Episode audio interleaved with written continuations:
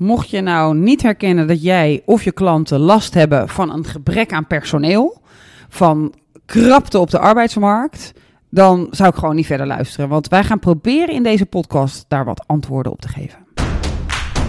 Welkom bij een nieuwe boost voor jouw missie No More Boring Learning. Dit is de Brain Bakery Podcast. Een belangrijke nieuwe aflevering. Doe mee met de missie No More Boring Learning. Ik ben hier met Sjane. Dag Jan-Peter. En waarom is die belangrijk? Bijna iedereen heeft er last van. Ja, The Great Resignation. En in deze podcast hebben wij vijf tips, vijf dingen die je kunt doen als organisatie, als manager, als MT, als L&D'er, om te voorkomen dat mensen weggaan. Sterker nog, misschien willen ze wel bij je komen werken. juist. Ik denk het wel. Ja, Ja, vijf dingen. Ja. En die gaan we met je delen. Dus dit wordt een eh, lekkere, volle, nuttige podcast. Wat een goede woordjes gebruik je allemaal, JP. Heerlijk, ja. En daarbij wil ik als eerste, als het mag, even mij opwinden Oh, over een aantal bedrijven, een aantal organisaties. Die zitten nog steeds te zeggen, binden en boeien. Luister, iedereen weet al heel lang dat het gaat over purpose. Welke purpose heeft je organisatie? Waar sta je voor? Waar ga je naartoe? Als je dat nog niet helder hebt en nog steeds denkt, nou, ondanks dat we geen missie hebben, we hebben niet echt een, een bijdrage aan de wereld, maar wij zetten gewoon hier lekker geld om te zetten voor de groot aandeelhouder. ja.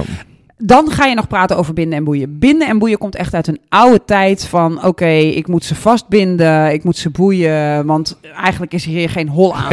Op het moment dat je dat gebruikt, impliceer je dat jouw organisatie eh, nergens voor staat. Dus mogen we alsjeblieft afspreken... Die, ga- die gaat echt niet meer werken, niet nu in de Great Resignation. Het is echt belachelijk. Ja. Belachelijk, hè? Lekker. Je Ja. begint ook weer rood aan te Zo.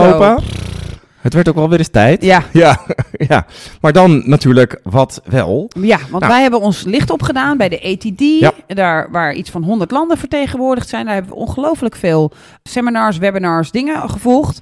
We, ik ben op Harvard geweest en we werken natuurlijk met een heel aantal internationale organisaties. En wij hebben hier een crème de la crème selectie gedaan van de dingen die je het snelst, het makkelijkst en het meest kunt toepassen om iets te doen aan de grote uittocht van Ja. mensen en ook de grote intocht weer van mensen. Wat Ja. kun je nou het slimste doen? Dus JP, take it away. Ja, we kunnen gewoon, hè, hier kunnen ze lekker mee binden en boeien.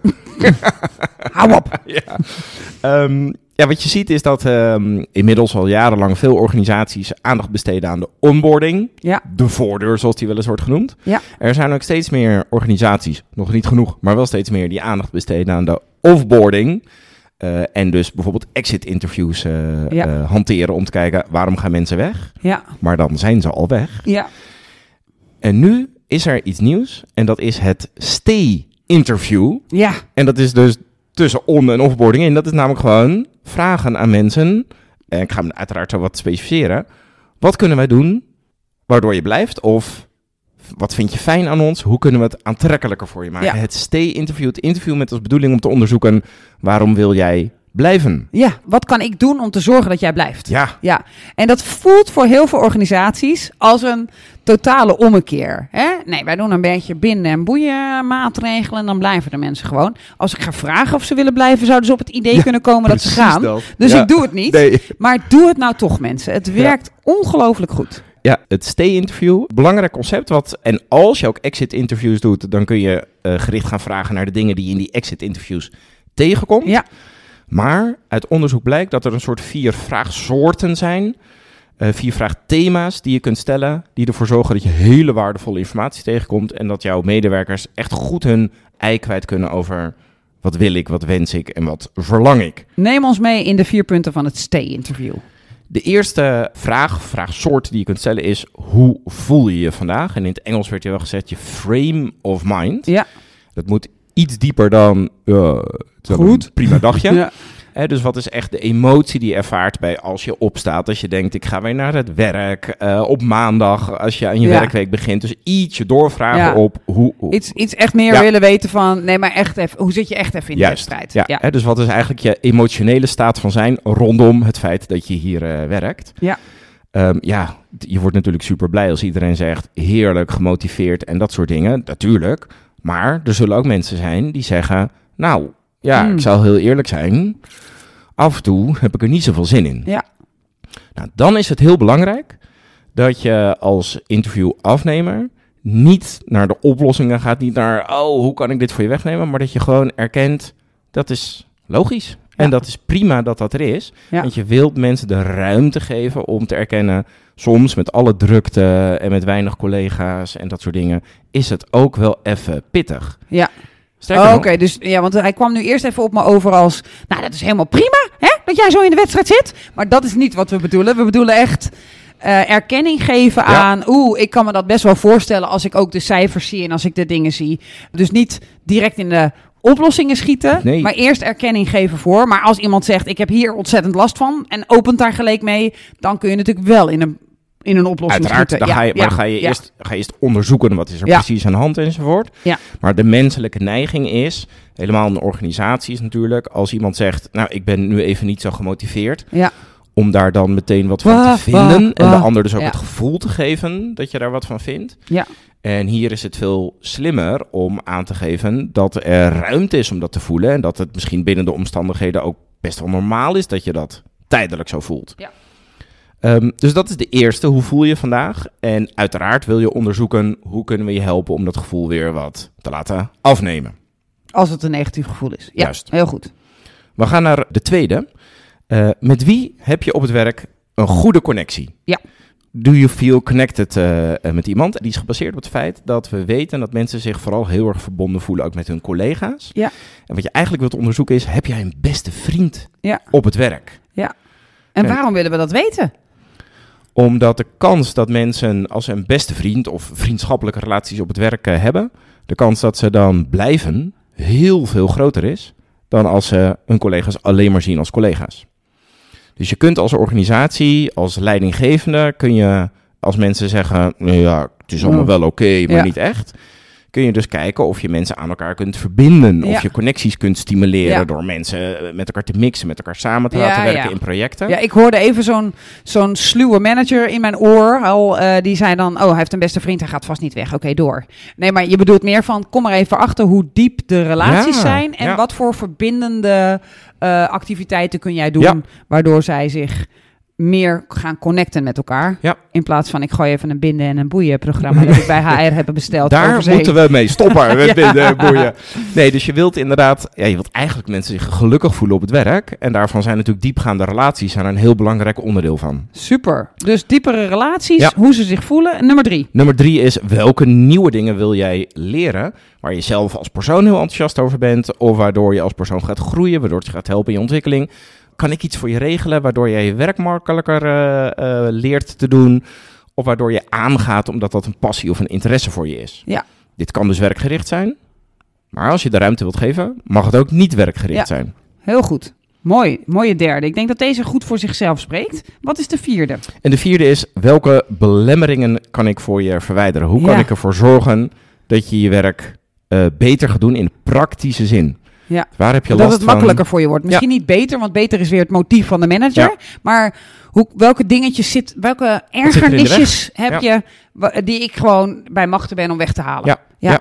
En dat is straks ook nog eventjes een apart eh, punt. Maar deze vier vragen zijn dus de vier slimme vragen om te stellen in een stage. Ja, het doet mij denken aan. Ik had eh, van de week had ik een klant van ons aan de lijn, een, een dame van HR.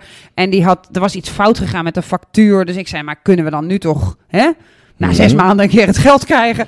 En toen eh, moest ze bijna huilen, want toen zei ze: Nee, finance ligt dwars. Ze, ze betalen pas na, zes ma eh, na 60 dagen. Oh. En ze had dus geen invloed hierop. En had ook niet het gevoel dat ze daar invloed op kon hebben. Ik denk dat dit zo'n voorbeeld is. Dat als zij daar dan zo zitten. Want zij schaamde zich naar ons toe. Want het was echt aan hun kant misgegaan. Als zij daar macht over had gehad. En ze had het kunnen zeggen tegen de manager. En die had gezegd: Nou, de volgende keer escaleer je dat naar mij. Dan fix ik dat. Ja, Juist. ja. Ja. Oké, snap het. Ja. Dus het eerste topic van vandaag om de Great Resignation tegen te gaan is how stay interviews. Ja, en daar wil ik overheen. Oeh, Met iets Lekker. wat al sinds 2008 bestaat. Bij Zeppels doen ze het. En, het. en ik vind het verrassend hoe weinig verspreid het nog is. Want ik denk dat het juist in de Great Resignation iets heel vets is. Maar ik denk dat bijna niemand het durft. ik vind het nu al tof. Kom erop. Eh Zeppels eh, komt uit Las Vegas. eh, en Zeppels is een van de snelst groeiende, meest succesvolle schoenen thuisleverancierbedrijven ter wereld. Ja. Zij zijn echt fabulous. Ja. Zij doen allerlei acties om hun mensen blij te maken, blij te houden. Ze hebben zelfs allerlei prijzen gewonnen door in COVID, dat iedereen in zijn eentje thuis zat, gingen ze gewoon een game doen. Hoeveel mensen maken wij blij met langere telefoontjes? Gewoon, wij willen gewoon bijdragen aan de mensheid. En Ja. iedereen zit zo geïsoleerd thuis. Wij gaan gewoon onwijs lang met je praten. Ook als het over vissen gaat. Eh, niet alleen maar over schoenen. Dus ehm, waardoor ze ongelooflijke klantloyaliteit hebben. Heel veel mensen bestellen alleen nog maar bij Zeppos.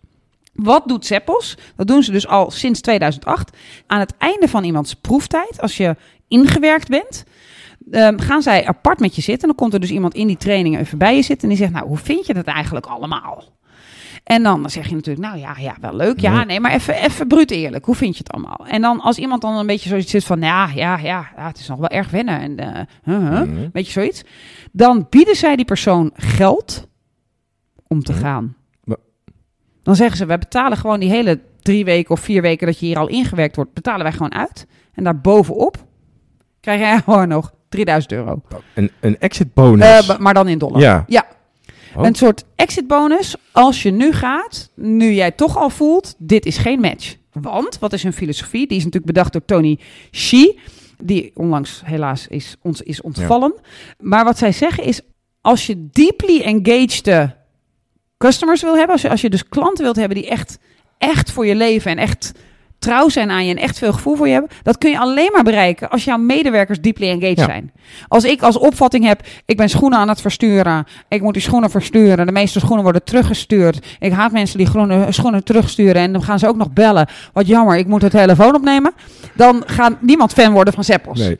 Dus zij eh, eh, bieden dus geld voor mensen om te vertrekken op het moment dat ze het zeker weten. Nu heeft hij een gevoel bij ons bedrijf. Nu kan hij ons kennen. En als hij dan denkt, ik wil niet. dus- En ze bieden dus een groot genoeg bedrag, waardoor jij een maand eh, je salaris kan overbruggen. Waardoor je op zoek kunt gaan naar een eh, nieuwe baan. Dus het is een heel aantrekkelijk aanbod. Ja. En als iemand het dus aanneemt, vieren zij dus een beetje feest. Gaan ze natuurlijk wel leren, hey, wat hebben we gemist in het aannameproces? Maar dan zijn ze wel blij dat die iemand gaat. Dat is tip 2. Ja. Bied mensen geld om te gaan. Moet je kijken hoe snel het dan op scherp komt te staan allemaal. Lekker, dat was twee van de vijf. We gaan snel door naar nummer drie. Ja, ehm, nummer drie is de A, B en C speler. Ik denk dat veel bedrijven wel al een beetje zo denken. Hè? Je hebt de A-player, die staat voor de high achiever. Hoezo privébalans, werkbalans, gewoon gaan, Ja. knallen, eh, slim, betrokken. Dat zijn van die mensen die vaak eh, sprongen maken in organisaties, vaak omhoog komen. Eh, je kunt eh, innovaties van ze verwachten enzovoort. Ze zijn niet de trouwste, want ze willen dan weer bij, ook weer ervaring opdoen bij een andere organisatie. Dat zijn je A-spelers. En de B-spelers, dat zijn de trouwe honden. Ze zijn er altijd, ze zijn steady, ze doen het werk goed, ze zitten er vaak ook al wat langer en weten er veel van.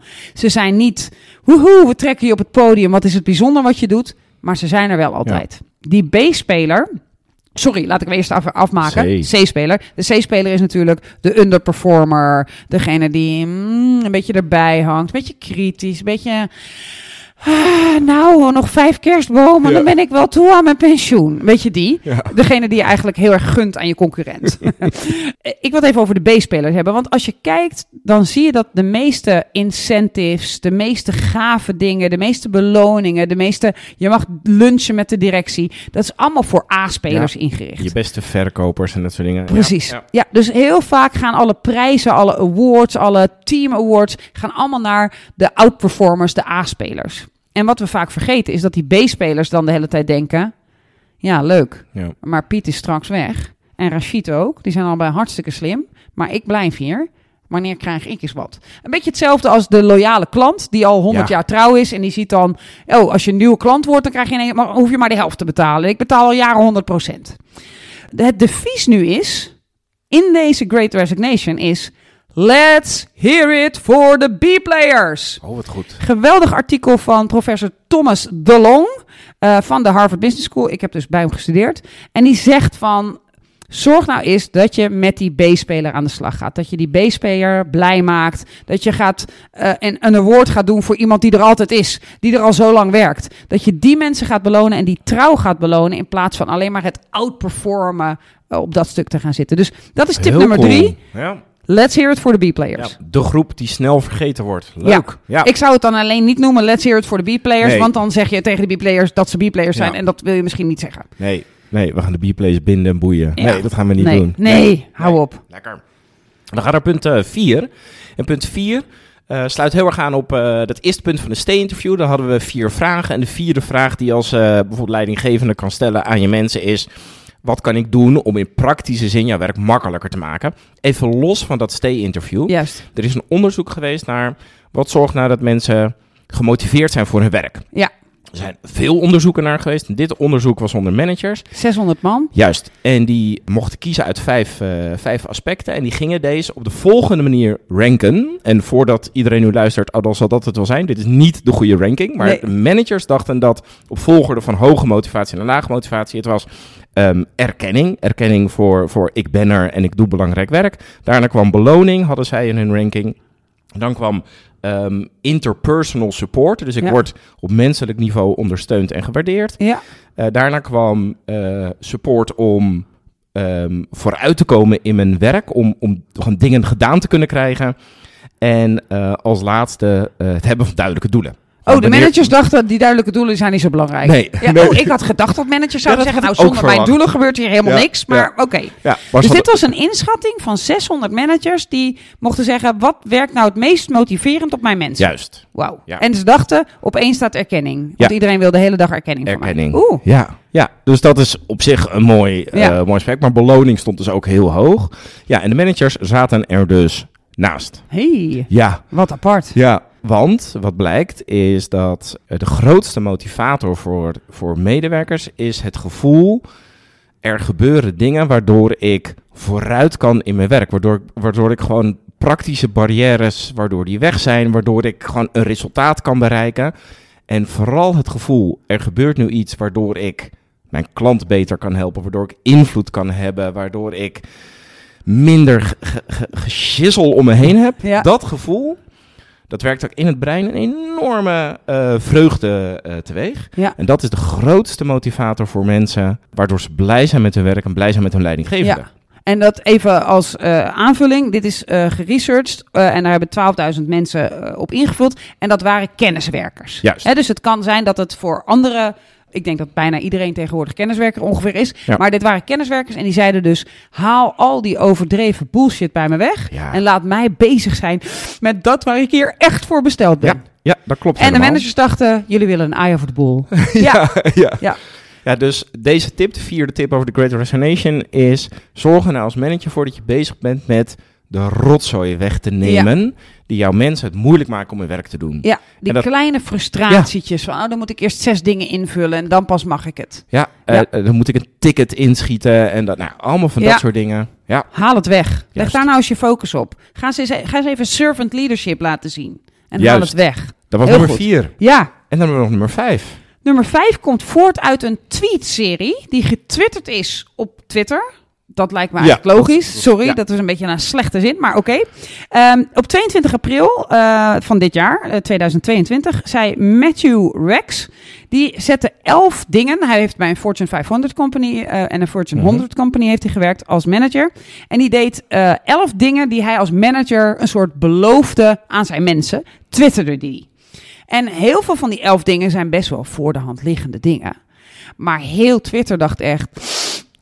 Wauw, ja. als ik zo'n manager kon krijgen die dit toezegt en zich eraan houdt, dan wil ik hem nu. Mag ik voor jou komen werken? Ik denk dat dat Ja. sowieso eentje is om je goed te realiseren. Mensen hechten veel waarde aan voor wie werk ik. Maar deze, ik, ik wil je er even mee doorheen nemen. Je kan er prima op, eh, op googlen. We zullen ook een linkje bij de podcast zetten, maar ik neem er even een aantal mee. Een van de eerste, de nummer één. Hm. We'll have a weekly one-on-one. Dus een belofte. Wekelijks ga ik met je zitten. I'll never cancel this meeting, but you can cancel it whenever you like. It's your time. Oeh. Maar Nou. die laatste vind ik er heel Ja. mooi ook. Het gaat, het gaat om jou, het gaat om jouw jou. tijd. Dus als Ja. jij je tijd beter kan gebruiken, moet je dat gewoon doen. Ja. Ik denk dat hij op een gegeven moment wel gaat zeggen: Schat, ik mis je. Eh, waar ben je? Maar, en hier gingen heel veel mensen op aan. Ja. Ehm, wat hij ook zei is: When I schedule a meeting with you, I'll always say when I schedule it, what's meant, what it's meant to be about. Ik schiet niet zomaar in jouw agenda bespreking. Nee. Want ik weet, dat schrijft hij er niet bij, want ik weet dat jij dan denkt, waar gaat het over? Ja. Heb ik iets gedaan? dus hij, hij doet hier gewoon de keiharde belofte. Als ik iets inschiet, als ik vraag, kunnen we even spreken? Dan zeg ik er altijd bij waar het Wow. over gaat. Ja. Ja. Goed. Nou, daar gingen mensen dus op los. Ja, dus eh, dat suggereert hoe vaak mensen dus Iets anders, eh, iets anders ervaren. Ja, En, ja. Dus, en, en hoeveel, hoe, wat voor een gedeeld menselijk leed het is. Dat je dus gewoon bang bent als je manager iets inschiet. Ja. Ja, het bekende effect, hè? Kunnen we even praten en dan, eh, en dan Ja. bang worden. Ja. Nummer 8. Your work gets done your way. My focus is on outcomes, not output. Uh, once we're clear on where we need to go, how you get there is up to you. Mooi. Ja. Huilen, tranen, Ja. eh, blijdschap, hartjes. Iedereen ging helemaal los. Dus een van de suggesties die ik ook heb voor alle organisaties die last hebben van The Great Resignation, is lees die elf tweets. Ja. En kijk, ik denk dat als we allemaal, en dat- weten we van het menselijk gedrag, dat als je kijkt naar wat is mijn intentie Ja. en, en wat doe ik op een goede dag, dat je denkt, nou, daar hou ik me best wel aan. Ja. Maar als je gaat kijken naar in de praktijk, in hoeverre hou je hier aan, eh, dat er best wel wat shockende dingen bij zitten. Dus ik, ehm, mijn suggestie zou zijn, neem jezelf eens even de maat. Ja. Als manager, als Ja. leider. Ja. In hoeverre doe ik dit? En zou je hier iets van uit kunnen sturen? Durf je dit te publiceren op je websitepagina? Eh, als je dan die great employer wil zijn of die employer of choice, zeg je dan dit soort dingen en maak je ze ook waar. En als je echt heel dapper bent en bereid bent om kwetsbaar te zijn, durf je dan deze elf naar je team te sturen en te zeggen op een schaal van 1 tot 10, in Hoe doe ik hoeverre doe ik Ja. dit? En teach me. Ja. En ik denk dat dat wel de beweging is waar we in die Great Resignation een beetje naartoe aan het gaan zijn. Langzaam gaan we er natuurlijk steeds meer naartoe dat medewerkers gaan bepalen over een manager. Mag jij blijven? Heb je mij goed ondersteund dit jaar? In plaats van dat de manager in de veroordelingsgesprekken zit. Ja, ja. De Great Resignation. We hebben er vrijwel allemaal mee te maken. Ja. Maar je hebt er dus behoorlijk invloed op als eh, organisatie, hoeveel last je ervan hebt. Juist. De vijf eh, dingen die we hebben gedeeld zijn, hou eh, naast je onboarding offboarding het stay-interview. Doe het stay interview We mensen. hebben het gehad over bied mensen gewoon geld om Ja. weg te gaan. Met wel wat nuance en meer intelligentie erin. Maar het Zeppels eh, avontuur. We hebben het gehad over let's hear it for the B-player. Focus je op die Ga daar nou eens iets voor organiseren. loyale, iets Ja. wat stillere, verantwoordelijke medewerkers. De motivatie verhogen door ervoor te zorgen dat al die praktische shizzle Haal de gewoon weggaat. Stop weg. daar nou je tijd Stop in als manager. En nu als laatste, eh, kijk naar die elf tweets. Ja. En neem jezelf misschien eens de maat over hoe goed zorg ik voor mijn mensen. Ja. Zal ik als toegift nog de elfde de- doen die het meeste geliked werd? Doe eens. Als het gaat om credits hè, voor het team, dan zegt hij: Ik beloof dat ik nooit zal overdrijven hoe groot mijn rol was in het verhaal. Ik zal dat eerder minimaliseren en ik zal nooit jouw bijdrage aan een succes minimaliseren. Oh, Tranen met tuiten bij mensen. ja. Ik het kan zoveel beter, jongens. ik wou hem hierbij laten. Ja, Ja. Bedankt voor het luisteren iedereen. succes en heel met graag die keer. Resignation. No more boring learning. Dit was de Brain Bakery podcast. Wil je meer weten? Kijk dan op brainbakery.com of volg ons op onze socials.